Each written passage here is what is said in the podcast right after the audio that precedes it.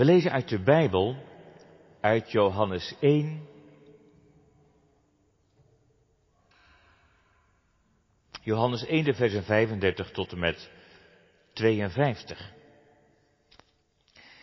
Johannes 1 vanaf vers 35 en we lezen daar Gods woord als volgt. De volgende dag stond Johannes daar weer met twee van zijn discipelen. En toen hij Jezus zag lopen, zei hij, zie het lam van God. En de twee discipelen hoorden hem dat zeggen en ze volgden Jezus. En toen Jezus zich omkeerde en zag dat ze volgden, zei hij tegen hen, wat zoekt u? En ze zeiden tegen hem, Rabbi, wat vertaald wil zeggen, meester, waar woont u? Hij zei tegen hen, kom en zie. Ze kwamen en zagen waar hij woonde en bleven die dag bij hem. En het was ongeveer het tiende uur. Andreas, de broer van Simon Petrus, was een van de twee die het van Johannes gehoord hadden en hem gevolgd waren. Deze vond als eerste zijn eigen broer Simon. En zei tegen hem, wij hebben de Messias gevonden, wat vertaald wordt als de Christus. En hij leidde hem tot Jezus. Jezus keek hem aan en zei, u bent Simon, de zoon van Jona. U zult Cephas genoemd worden, wat vertaald wordt met Petrus. De volgende dag wilde Jezus weggaan naar Galilea en hij vond Filippus en zei tegen hem, volg mij. Filippus nu kwam uit Bethsaida, uit de stad van Andreas en Petrus. Filippus vond Nathanael en zei tegen hem, wij hebben hem gevonden over wie Mozes in de wet geschreven heeft en ook de profeten, namelijk Jezus, de zoon van Jozef uit Nazareth. En Nathanael zei tegen hem, kan uit Nazareth iets goeds komen? Filippus zei tegen hem, kom en zie. Jezus zag Nathanael naar zich toe komen en zei over hem, zie, werkelijk een Israëliet in wie geen bedrog is. Nathanael zei tegen hem, van waar kent u mij? Jezus antwoordde en zei tegen hem, voordat Filippus u riep, toen u onder de vijgenboom was, zag ik u. Nathanael antwoordde en zei tegen hem, Rabbi, u bent de zoon van God. U bent de koning van Israël. Jezus antwoordde en zei tegen hem, omdat ik tegen u gezegd heb, ik zag u onder de vijgenboom, gelooft u? U zult grotere dingen zien dan deze. En hij zei tegen hem, voorwaar, voorwaar, ik zeg u allen, van nu af aan zult u de hemel geopend zien. En de engelen van God opklimmen en neerdalen op de zoon des mensen. De tekst voor de preek is vooral vers 47. Vooral die woorden die jullie jongens en meisjes makkelijk kunnen onthouden. Ja, wat drie woorden.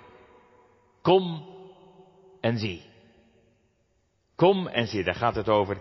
Het gaat dan over Jezus en Nathanael. Ik zag ook in het boekje voor de kinderen dat er een prachtige kleurblad bij staan. En ook nog wel wat vragen. Die komen in de preek ook wel terug. Gemeente, wij deden vroeger wel eens een spelletje. En dan zeiden we, ik zie, ik zie wat jij niet ziet. En de kleur is Misschien kennen jullie dat spelletje ook wel. En dan moet een ander net zo lang raden tot hij weet wat je bedoelt, wat je ziet. En dan probeer je natuurlijk om het zo moeilijk mogelijk te maken. Want hoe moeilijker het is, hoe langer het duurt voordat iemand weet wat het is. En het mooiste is natuurlijk als de ander niet kan raden wat jij ziet. Ik zie, ik zie wat jij niet ziet. Maar als je de Heere Jezus hebt leren kennen, dan zou je ook kunnen zeggen tegen iemand die hem niet kent, ik zie, ik zie wat jij niet ziet.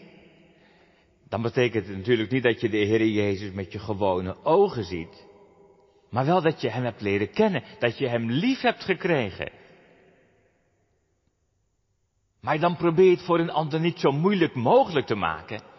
Dan wil je graag dat die ander hem ook leert kennen dat die ander de Heer Jezus ook lief krijgt. En dat is nou precies wat we merken bij Filippus. Filippus heeft Jezus gevonden. Of beter, Jezus heeft Filippus gevonden. Zo staat het er heel fijnzinnig in vers 44. Jezus vond Filippus. En Filippus is er helemaal vol van. Filippus gaat op zoek naar zijn vriend Nathanael, vers 46. En vol enthousiasme vertelt Filippus aan Nathanael wat hij meegemaakt heeft. Lees maar mee, vers 46. Hij zegt, we hebben hem gevonden. We hebben hem gevonden over wie Mozes in de wet geschreven heeft en ook de profeten, namelijk Jezus, de zoon van Jozef uit Nazareth. Maar het lijkt wel hoe enthousiaster Filippus vertelt. Hoe meer Nathanael bevriest. Het enthousiasme van Filippus lijkt averechts te werken. Dat kun je wel eens hebben. Iemand komt heel enthousiast, maar het werd eigenlijk precies tegenovergesteld. Die Nathanael was scherp van geest. Nathanael is een man die zich niet zomaar iets op de mouw laat spelden. Hij is bijbelvast, hij kent de heilige schrift. Hij heeft goed geluisterd naar Filippus, die enthousiaste woorden, maar denkt hij iemand uit Nazareth? Nou, dat kan, dat kan de lang verwachte Messias in ieder geval niet zijn. Waarom niet? Nou, we merken ook hier dat hij de Messias verwacht als de Davidzoon. In vers 50 merk je dat ook. Hij heeft het over de koning van Israël, de Davidzoon. En, en eigenlijk wist iedereen die een beetje thuis was in de Bijbel wel. Ja, die, die beloofde Davidzoon, de beloofde Messias, die wordt niet in Nazareth geboren.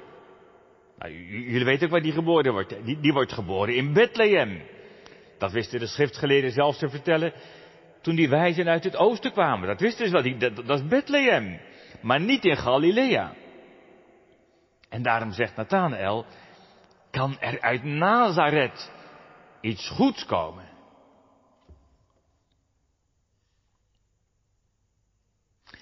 Het is voor ons niet zo moeilijk om kritiek te uiten op Nathanael. Maar laten we daar voorzichtig in zijn. Het is te prijzen in hem dat hij niet zomaar alles slikt voor zoete koek. Je hebt wel eens mensen die zich heel makkelijk laten meeslepen door een enthousiast verhaal, door imponerende woorden, maar in de praktijk zijn die ook nogal eens een gemakkelijke prooi voor verleidende geesten. Wat leert de Heere God ons? Hij leert ons om niet zomaar alles voor waar aan te nemen, maar om het te toetsen aan het woord.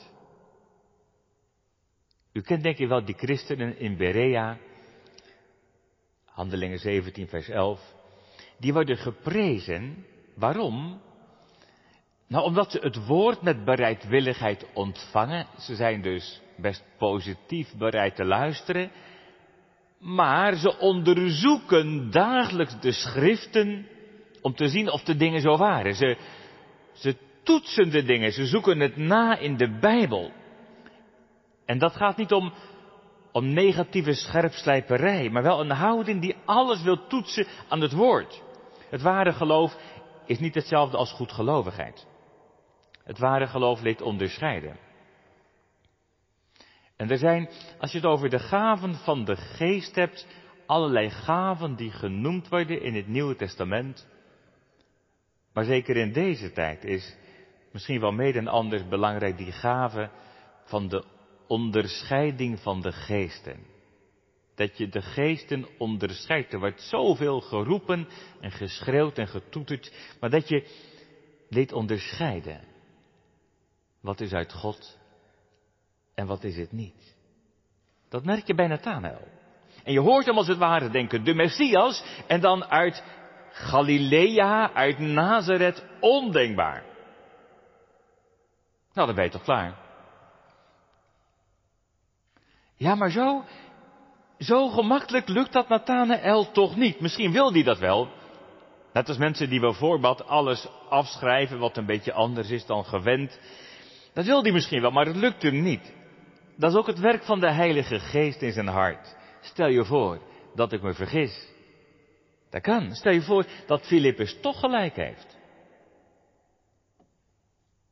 En later zal Nathanael merken dat Jezus toch geboren is in Bethlehem. Dat, dat, dat wist hij toen nog niet en het leek ook een beetje anders door die woorden van Filippus, maar later merkt hij dat dat toch wel zo is, toch in Bethlehem. En, en later zal hij ook ontdekken dat zelfs het verblijf in, in Nazareth, in Galilea, in het Oude Testament al is voorzegd. Ja, dat had hij niet paraat. Daar had hij misschien een blinde vlek voor. Dat kan, hè, dat we ergens een blinde vlek voor hebben. Daar moet je altijd alert voor zijn. Een blinde vlek. Ja, die heeft de kerk ook wel eens gehad voor Israël. Maar zo kunnen er meer dingen zijn waar je een blinde vlek voor hebt. Dit wat de Bijbel leest, maar het helemaal niet ziet. Dat maakt ook voorzichtig. Heren, maak mij uw wegen bekend door uw woord en door uw geest. Ja, wel weer die twee dingen, hè? Woord en geest. Maar nu is Nathanael nog niet zo ver. Je hoort hem achterdochtig vragen, kan er uit Nazareth iets goeds komen? En, en Filippus dan? Wat, wat, wat doet hij? Hij begint geen discussie. Hij weet waarschijnlijk wel, dat kan ik toch niet winnen van Nathanael. En ja, al kun je iemand vastpraten in een discussie, daarmee heb je zijn hart nog niet gewonnen. Een discussie kan wel helpen om verkeerde voorstellingen weg te nemen, maar een discussie is niet genoeg om je hart te overtuigen. En wat doet Filippus? En dat is heel belangrijk. Voor u en ook voor jullie jongelui en voor jullie jongens en meisjes. Wat doet hij? Kom en zie. Dat is het thema voor de preek. Kom en zie, kom maar mee. Dan zul je het wel zien. Hij zegt niet, dan zal ik het je laten zien. Nee, je zult het wel zien. En je merkt in die woorden een groot vertrouwen in Christus. Zo geeft hij de allerbeste verwijzing. Eigenlijk verwijst Filippus naar Jezus zelf. Zo mag je ook als ouders wijzen naar Jezus zelf. Je hoeft echt niet alle vragen te beantwoorden. Als je kinderen kritische vragen hebt, laat ze maar komen. Maar het is geen probleem als je niet alle antwoorden weet. Verwijs ze maar naar Jezus. Geef maar hoog op van Hem. Kom en zie. Want Hij valt van onze vragen echt niet ondersteboven. Ermee naar Hem. Dat is ook nu. Ook als je worstelt met allerlei vragen. Als je denkt, waar is God eigenlijk? Bestaat God eigenlijk wel? Als je denkt, is die Bijbel wel waar? Die twijfels zijn helemaal niet zo vreemd. Die hangen in onze tijd ook een beetje in de lucht, omdat zoveel mensen er niets van geloven. Maar wat is dan het beste? Om, om ermee naar Hem te gaan. Ik denk aan de discussie tussen een atheïst en een christen. Toen zei die christen tegen die atheïst die nergens in geloofde, hij zei, nou ja, als jij gelijk hebt en als God niet bestaat, dan heb ik eigenlijk niets te vrezen. Maar zei hij, als ik nou gelijk heb en God bestaat wel, dan heb jij een probleem. Dan heb je alles te vrezen. Ja, maar hoe kan ik dat dan weten? Dat God bestaat? Of dat de Bijbel echt het woord van God is? Ik heb er zelf ook wel enorm mee geworsteld, zeker in de studietijd. Als je dan op de universiteit bent en van alle kanten op je afkomt dat de Bijbel maar een mensenboek is en verder niet. En en eigenlijk het geloof voor je gevoel ondermijnd wordt. En als ik dan terugkijk, hoe, Hoe is dat toen gegaan? Er zijn momenten geweest dat ik dacht, als het zo blijft, dan weet ik één ding zeker. Dat ik nooit op de kansel zal kunnen staan, dat ik nooit zal kunnen preken. En hoe is dan toch dat vertrouwen teruggekomen dat, dat de Bijbel waar is? En dat de Heere leeft en regeert? Ja, eigenlijk alleen maar door te doen wat Filippus zei. Kom en zie. Door die Bijbel te lezen en bidden te lezen. Heere God, als het uw woord is, overtuigt u mezelf. Want ik kan het mezelf niet aanpraten. Maar doet u het zelf. En eigenlijk alleen door wat Filippus zei, kom en zie, door ermee naar Jezus te gaan, naar God te gaan en te zeggen, Heere God, ik weet het niet, maar u bent de enige die mij kunt overtuigen. U bent de enige die mij dat geloof weer kunt geven. U bent de enige. Als u het niet kunt, wie dan wel? laat u het mezelf zien. Overtuigt u mij. Door ermee te gaan naar Hem, met al die twijfels, al die vragen. Kom en zie. Nathanael komt. En Nathanael ziet. Nathanael gaat mee om te kijken. Dat ziet Jezus. Dat staat er ook weer zo fijntjes in vers 48. Jezus zag Nathanael naar zich toekomen. Jezus zag hem al lang toen hij op weg ging naar Jezus toe. Zo gaat het altijd bij Jezus. God is ons altijd voor. Als je iets van Hem begint te zien, ontdek je dat Hij je al lang in het oog had, voordat je zelf iets van Hem begon te zien. Als je Hem lief krijgt, dan ontdek je dat Hij je al lang lief had. We hebben Hem lief, omdat Hij ons eerst heeft lief gehad. Hij is ons altijd voor. Hij is een kerk ten diepste een eeuwigheid voor. Vers 48. Jezus zag Nathanael naar zich toekomen en zei, zie werkelijk een Israëliet in wie geen bedrog is.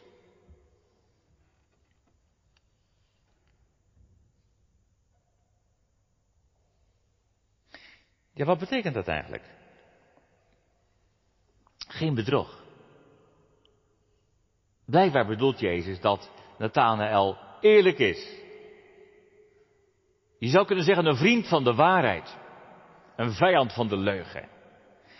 Daarmee zegt Jezus niet dat Nathanael volmaakt is. Maar wel laat, laat Jezus zien dat hij opvalt. Want het is bepaald niet vanzelfsprekend zonder bedrog. Wat is er veel dubbelheid? Wat is er veel oneerlijkheid? Soms hele of halve leugentjes om je eigen belangen veilig te stellen. Om je beter voor te doen dan je bent. Maar Jezus getuigt van Nathanael een oprechte Israëliet zonder bedrog. Dat is geen vrucht van eigen akker, dat is de vrucht van de Heilige Geest. Maar Nathanael reageert weer een beetje, een beetje bit. In, in ieder geval niet gevleid. Vers 49. Van waar kent u mij? Met andere woorden, wie bent u eigenlijk dat u dat over mij kunt zeggen?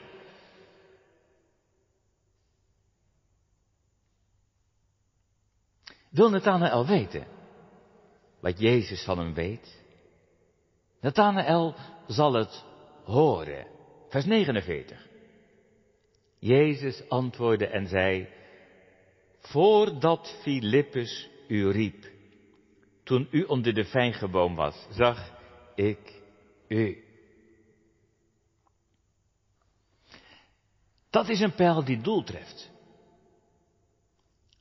Hoe kan Jezus weten dat hij onder de vijgenboom gezeten heeft? Die vijgenbomen konden groot zijn, ze waren ook geliefd als een plek om onder te zitten. Soms kon het zelfs zijn dat die takken laag gingen. Het waren niet altijd hoge stammen, ze hadden ook wel eens ingekort, dat die takken laag gingen. En dat je als het ware helemaal achter die bladeren verborgen was. In ieder geval, Nathanael weet Daar was niemand bij. Niemand heeft me gezien toen ik daar ging zitten. Niemand heeft me gezien. Behalve.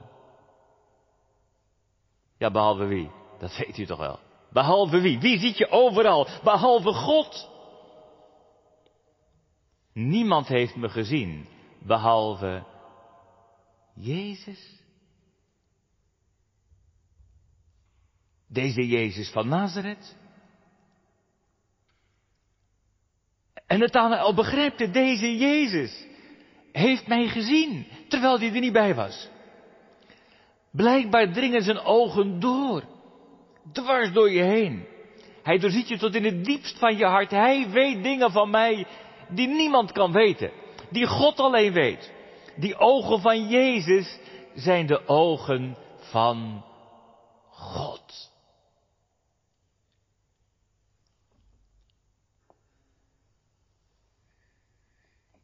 Er staat niet wat Tane al deed onder die vijgenboom.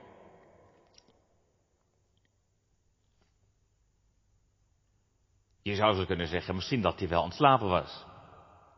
Maar heel veel mensen denken dat hij aan het lezen was in de Bijbel. Of dat hij aan het bidden was. Dat zou heel goed kunnen. Maar voor ons is het belangrijkste natuurlijk niet dat wij weten wat Nathanael deed. Voor ons is het veel belangrijker dat we weten dat Jezus ook jou en u en mij ziet. Vanmorgen in de kerk of thuis, dat u meekijkt, meeluistert en jullie. Dat hij je ziet. Dat hij je overal ziet. Dat hij je altijd ziet. Word je daar blij van of niet? Als je Jezus lief hebt, is het een geweldige troost dat Hij je altijd ziet. Maar als je Hem nog niet kent of niet van Hem wilt weten, dan is het een schrik. Jezus ziet je als je plekje onder die vijgenboom als het ware leeg blijft. Als je binnenkamer leeg blijft als je bidden er zo vaak bij inschiet. Jezus ziet dat. Jezus ziet je als je Hem niet nodig hebt. Hij ziet je ongeloof, je onwil, de dubbelheid van je hart, de hardheid van je hart. Hij ziet je als je een dubbel leven leidt, als je de kat in het donker knijpt, als je leeft in de zonde. Hij ziet je als je hem ten diepste verre van je houdt. Als je probeert er onderuit te komen. Hij ziet je aan met ogen die doordringen tot in het diepst van je hart. Maar zijn ogen kijken niet hard. Ze wijzen je niet weg. Maar je ziet ontferming branden in zijn ogen. Waarom geef je geen antwoord op mijn roepstem? Waarom kom je niet om te zien? Wil je soms sterven in je zonde? Jezus ziet je ook als je Hem zoekt. Als je Hem nodig hebt. Als je verlangt naar Hem. Hij ziet je als je Hem niet ziet en hem toch niet missen kunt. Hij ziet je als je bang bent dat het allemaal te vergeefs is om Hem te zoeken en je Hem niet vinden kunt en je Hem toch nodig hebt. Hij ziet je als je worstelt in het gebed met Hem, als het ware onder die vijgenboom. In je eigen plekje, misschien je slaapkamer of ergens anders.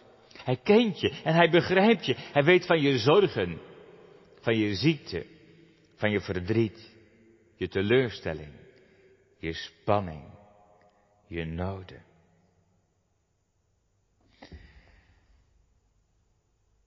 Hij ziet je als je iets van de oprechtheid van Nathanael hebt. Als je steeds meer ontdekt hoe zondig en onrein je hart van binnen is. En toch zie je geen afwijzing. Je ziet zijn ogen branden van liefde.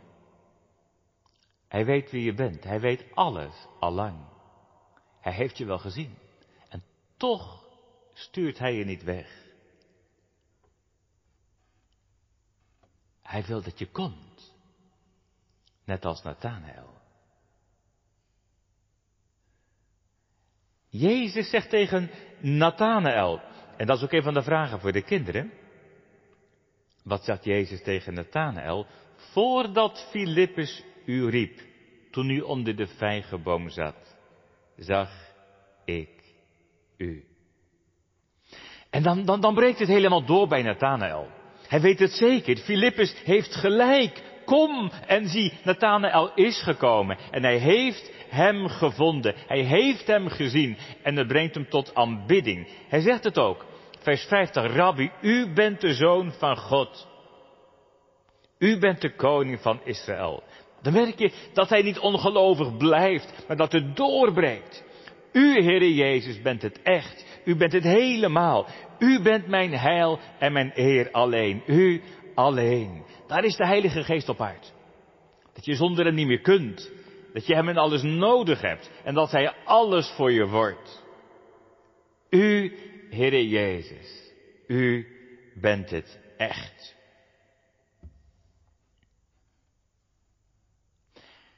Dan zou het eigenlijk al klaar kunnen zijn. Zo denken wij ook wel eens. Als je maar tot geloof komt, als je zonden maar vergeven zijn, dan is het wel goed, dan zijn we klaar. Als je maar in de hemel komt. En dat is natuurlijk wel belangrijk. Dat is het allerbelangrijkste. Jawel, voor onszelf, maar. Maar daarmee is niet alles gezegd. Je zou kunnen zeggen, dan begint het pas. Als je Jezus hebt gevonden. Levenslang blijf je leerling. En levenslang leer je meer van hem. Dat is net als op school. Na de eerste dag dan zeg je niet, nou ja, ik mag naar huis, het is klaar. Maar dan begint het pas. En als je van school afkomt, dan heb je wel een diploma, maar dan zeg je niet, ik ben uitgeleerd. Het blijft levenslang, blijft het leren. Dat is ook in het leven met Christus. Er zijn zoveel verkeerde gedachten over hem. We hebben zo vaak blinde vlekken. We hebben telkens opnieuw dat onderwijs nodig. We hebben Jezus nodig om te leren van hem. En wat zegt Jezus? Dat zegt Jezus in vers 51. Dat is nog iets anders. Daar zegt de Heer Jezus, omdat ik tegen u gezegd heb, ik zag u onder de vijgenboom, gelooft u. U zult grotere dingen zien dan deze. Wat Nathanael gezien heeft is groot. Nathanael heeft Jezus gezien. En, en niet alleen gewoon van de buitenkant. Hij zag hem natuurlijk ook met zijn gewone ogen. Maar Nathanael heeft hem ook, ook gezien, om zo te zeggen, met de ogen van, van het geloof. Nathanael heeft hem doorzien. Nathanael heeft hem ontdekt. Ontdekt wie die is. Heeft hem echt gezien dat Jezus echt de Messias is. De Zoon van God. Dat zijn grote dingen. Dat hij tot geloof komt. Dat zijn grote dingen. Maar Jezus zegt, je zult grotere dingen zien. Want bij Christus is zoveel meer te zien en te ontdekken. Zoveel meer te ervaren dan we vaak denken. We denken soms zo klein van Hem. Maar Hij leert ons groot van Hem te denken. Wij verwachten vaak zo weinig van Hem. Maar Hij leert ons veel te verwachten van Hem. Wie weinig verwacht, zal weinig ontvangen. Maar wie veel verwacht, zal veel ontvangen. Want Hij wordt van het geven niet minder. Grotere dingen. Ja, wat moet je dan aan denken? Dat is ook een van de vragen voor de kinderen. Grotere dingen. Nou, als je dan in het evangelie van Johannes leest, dan laat Johannes iets daarvan zien, van die grotere dingen. En als je dan verder bladert, dan, dan zie je bijvoorbeeld die bruiloft in Cana. Dat de Heer Jezus van water wijn maakt. Dat is een wonder. Een groot wonder, dat kan geen mens, dat kan God alleen. Dat doet Jezus. Dat is iets groots. Maar dan de tempelreiniging. Dat hij ze zomaar de tempel uitknikkert. Dat is ook iets groots. Wat denk je dan, hoe is dat eigenlijk bedoeld? Wat wil dat eigenlijk zeggen? Maar dan vertelt Johannes andere dingen. Over die fariseer. Die toptheoloog. Nicodemus, die in de nacht bij Jezus komt. Eigenlijk is dat nog groter. Dat die fariseeën komt. En van Jezus wil weten. En dat Jezus zegt, ook jij Nicodemus moet opnieuw geboren worden. Anders kun je niet in het koninkrijk van God komen. En dat Nicodemus luistert en blijft luisteren. En dat ook Nicodemus, die toptheoloog, tot geloof komt. En dan, en dan hoofdstuk 4, die Samaritaanse vrouw. Die werd een hoer genoemd. De zoveelste man is er in bed gegaan. En Jezus zoekt daarop. Jezus is de enige die haar niet met de nek aankijkt, maar die haar aanspreekt. En die hij laat merken dat hij er is, ook voor haar. En deze vrouw, die Samaritaanse, komt tot geloof en ze beleidt haar zonde en ze prijst Jezus, als wordt de evangeliste in Samaria. Grotere dingen. Merkt u wel, het gaat niet alleen over spectaculaire wonderen. De grotere dingen die Johannes laat zien hebben te maken met het overtuigd worden door Jezus. En met het spreken over Hem. En dan gaat het nog wel verder, er gebeurt van alles. Ook wonderen die Hij doet. Maar het grotere, het grotere is als die grote Jezus. Knielt. En de voeten wast van zijn discipelen. Grotere dingen. Als de zoon van God zich vernedert. En dat gaat verder. Johannes vertelt het door totdat hij hangt aan het kruis. Totdat hij zijn leven opoffert aan het vloekhout. Grotere dingen. Dat hij die Gods zoon is, wordt gekruisigd als het lam van God.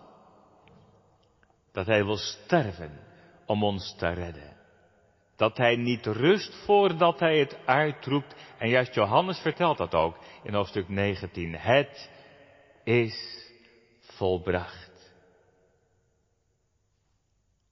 Eigenlijk is dat het grootst. Als deze grote Christus zich opoffert om ook jou te redden, om u te redden, om mij te redden. Als hij alles geeft, zijn leven geeft, als de zaligmaker van zondaren. Denk daar nooit goedkoop over. Dat, dat zijn de echt grote dingen. De grotere dingen. Dan gaat het over het kruis, maar ook over de opstanding. Als hij opstaat, dan gaat het over de hemelvaart. Dan gaat het over Pinksteren, de uitstorting van de geest. Grotere dingen. Meer van wie hij is. En dan nog dat laatste. In vers 52. Hij zei tegen hem, voorwaar, voorwaar, ik zeg u, van nu af aan zult u de hemel geopend zien en de engelen van God opklimmen en neerdalen op de zoon des mensen.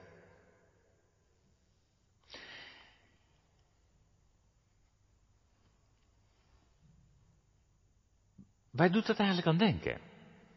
Opklimmen, dan denk je aan een trap of een ladder. En naar beneden, een trap. Waar komen we hier nog meer tegen in de Bijbel? Die trap naar de hemel. Dan gaat het over Jacob. Jacob die moest vluchten door zijn eigen schuld. Jacob die eigenlijk alles bedorven had. Hij had zijn vader bedrogen en, en hij moest vluchten voor zijn leven. En het leek of hij alles kwijt was. Zijn broer zat hem achterna en dan, dan rust hij ergens in Bethel. En dan lijkt de hemel gesloten en de toekomst lijkt donker en duister. Wat zal ik allemaal nog meemaken? En dan in de nacht krijgt hij een droom. Hij ziet de hemel open. En, en hij ziet engelen omhoog gaan naar de hemel en naar beneden gaan. En bovenaan die ladder ziet hij de Heere zelf. Ik ben met u, zegt de Heere dan. Een open hemel. En hier zegt Jezus, die droom van Jacob, die wordt ten diepste werkelijkheid bij mij. Eigenlijk zegt Jezus, boven mij vind je de hemel open. En dat gebeurt eigenlijk al als het kerstfeest wordt. Als de Heer Jezus wordt gebeuren, scheurt de hemel open. En dan horen we de engelen zingen, Ere zij God. En dan wordt het verkondigd, heden is u geboren de zaligmaker. En ook later als Jezus wordt gedoopt, dan gaat die hemel weer open. En komt die stem uit de hemel, dit is mijn geliefde zoon. En komt die duif naar beneden. En hier zegt Jezus het zelf. Boven mij zult u de hemel open zien. Voor een open hemel moet je bij Jezus zijn. Voor ons lijkt die hemel zo vaak gesloten. Ik hoorde pas nog iemand zeggen, die zei, het lijkt wel als ik bid, of mijn gebed niet verder komt dan het dak. Dan lijkt alles gesloten. Dan, dan, kun je alleen maar roepen met Jezaja, Och, dat u de hemelen zou openscheuren, dat u zou neerdalen. Maar wat zegt Jezus? Kom en zie bij mij. Wat zegt Jezus? Mijn komst heeft de hemel opengescheurd. Wat zegt Jezus? Bij mij vind je vrije toegang. Als je in de hemel wilt komen, moet je bij mij zijn, zegt Jezus. En als je een open hemel zoekt op dit moment voor je gebeden en je getop en je gezoek en je geworstel, als je een open hemel zoekt, moet je bij mij zijn. Een open hemel, vrije toegang voor mensen die verboden toegang verdienen. Misschien ben je eenzaam. Misschien ben je bang. Misschien ben je vol zorgen, net als Jacob, op de vlucht voor Esau. Misschien ook wel door je eigen schuld, net als Jacob. Dat alles je aanklaagt, dat de hemel gesloten lijkt. Zie dan op hem. Kom en zie, daar is de hemel open. Daar is een vrijmoedige toegang tot de genadetroon. Een open hemel. En je ziet die engelen opklimmen. En ze nemen als het ware de zonden mee naar boven, naar God. En ze nemen de vergeving mee naar beneden, naar u. En ze nemen de zorgen mee naar boven. En ze nemen de overgave mee naar beneden. En ze nemen de tranen mee naar boven. En ze nemen de troost mee naar beneden. En ze nemen de onrust en de spanning mee naar boven. En ze brengen de rust naar beneden in je hart. En ze nemen de twijfels mee omhoog. En ze brengen het geloof naar beneden. Dat gaat onophoudelijk door. Heen en weer tussen hemel en aarde. Want bij Christus is de hemel open. Van nu af aan zult u de hemel open zien. Van nu af aan. Dus ook vanmorgen. Op dit moment is bij Christus de hemel open. Hoe dichter je bij Jezus bent, hoe dichter je bent bij een open hemel. Kom en zie. Kom en zie op Hem die je al lang heeft gezien, omdat je Hem in het oog en in het hart krijgt. Omdat je grotere dingen zult zien, meer van Hem en van zijn Vader en van de Heilige Geest. Kom en zie. Of houd je je hart nog verder van Hem? Buiten Jezus blijft de hemel dicht. Maar bij Jezus is de hemel open. Daar wordt zijn heil verkregen. En het leven tot in eeuwigheid. Kom en zie. Amen.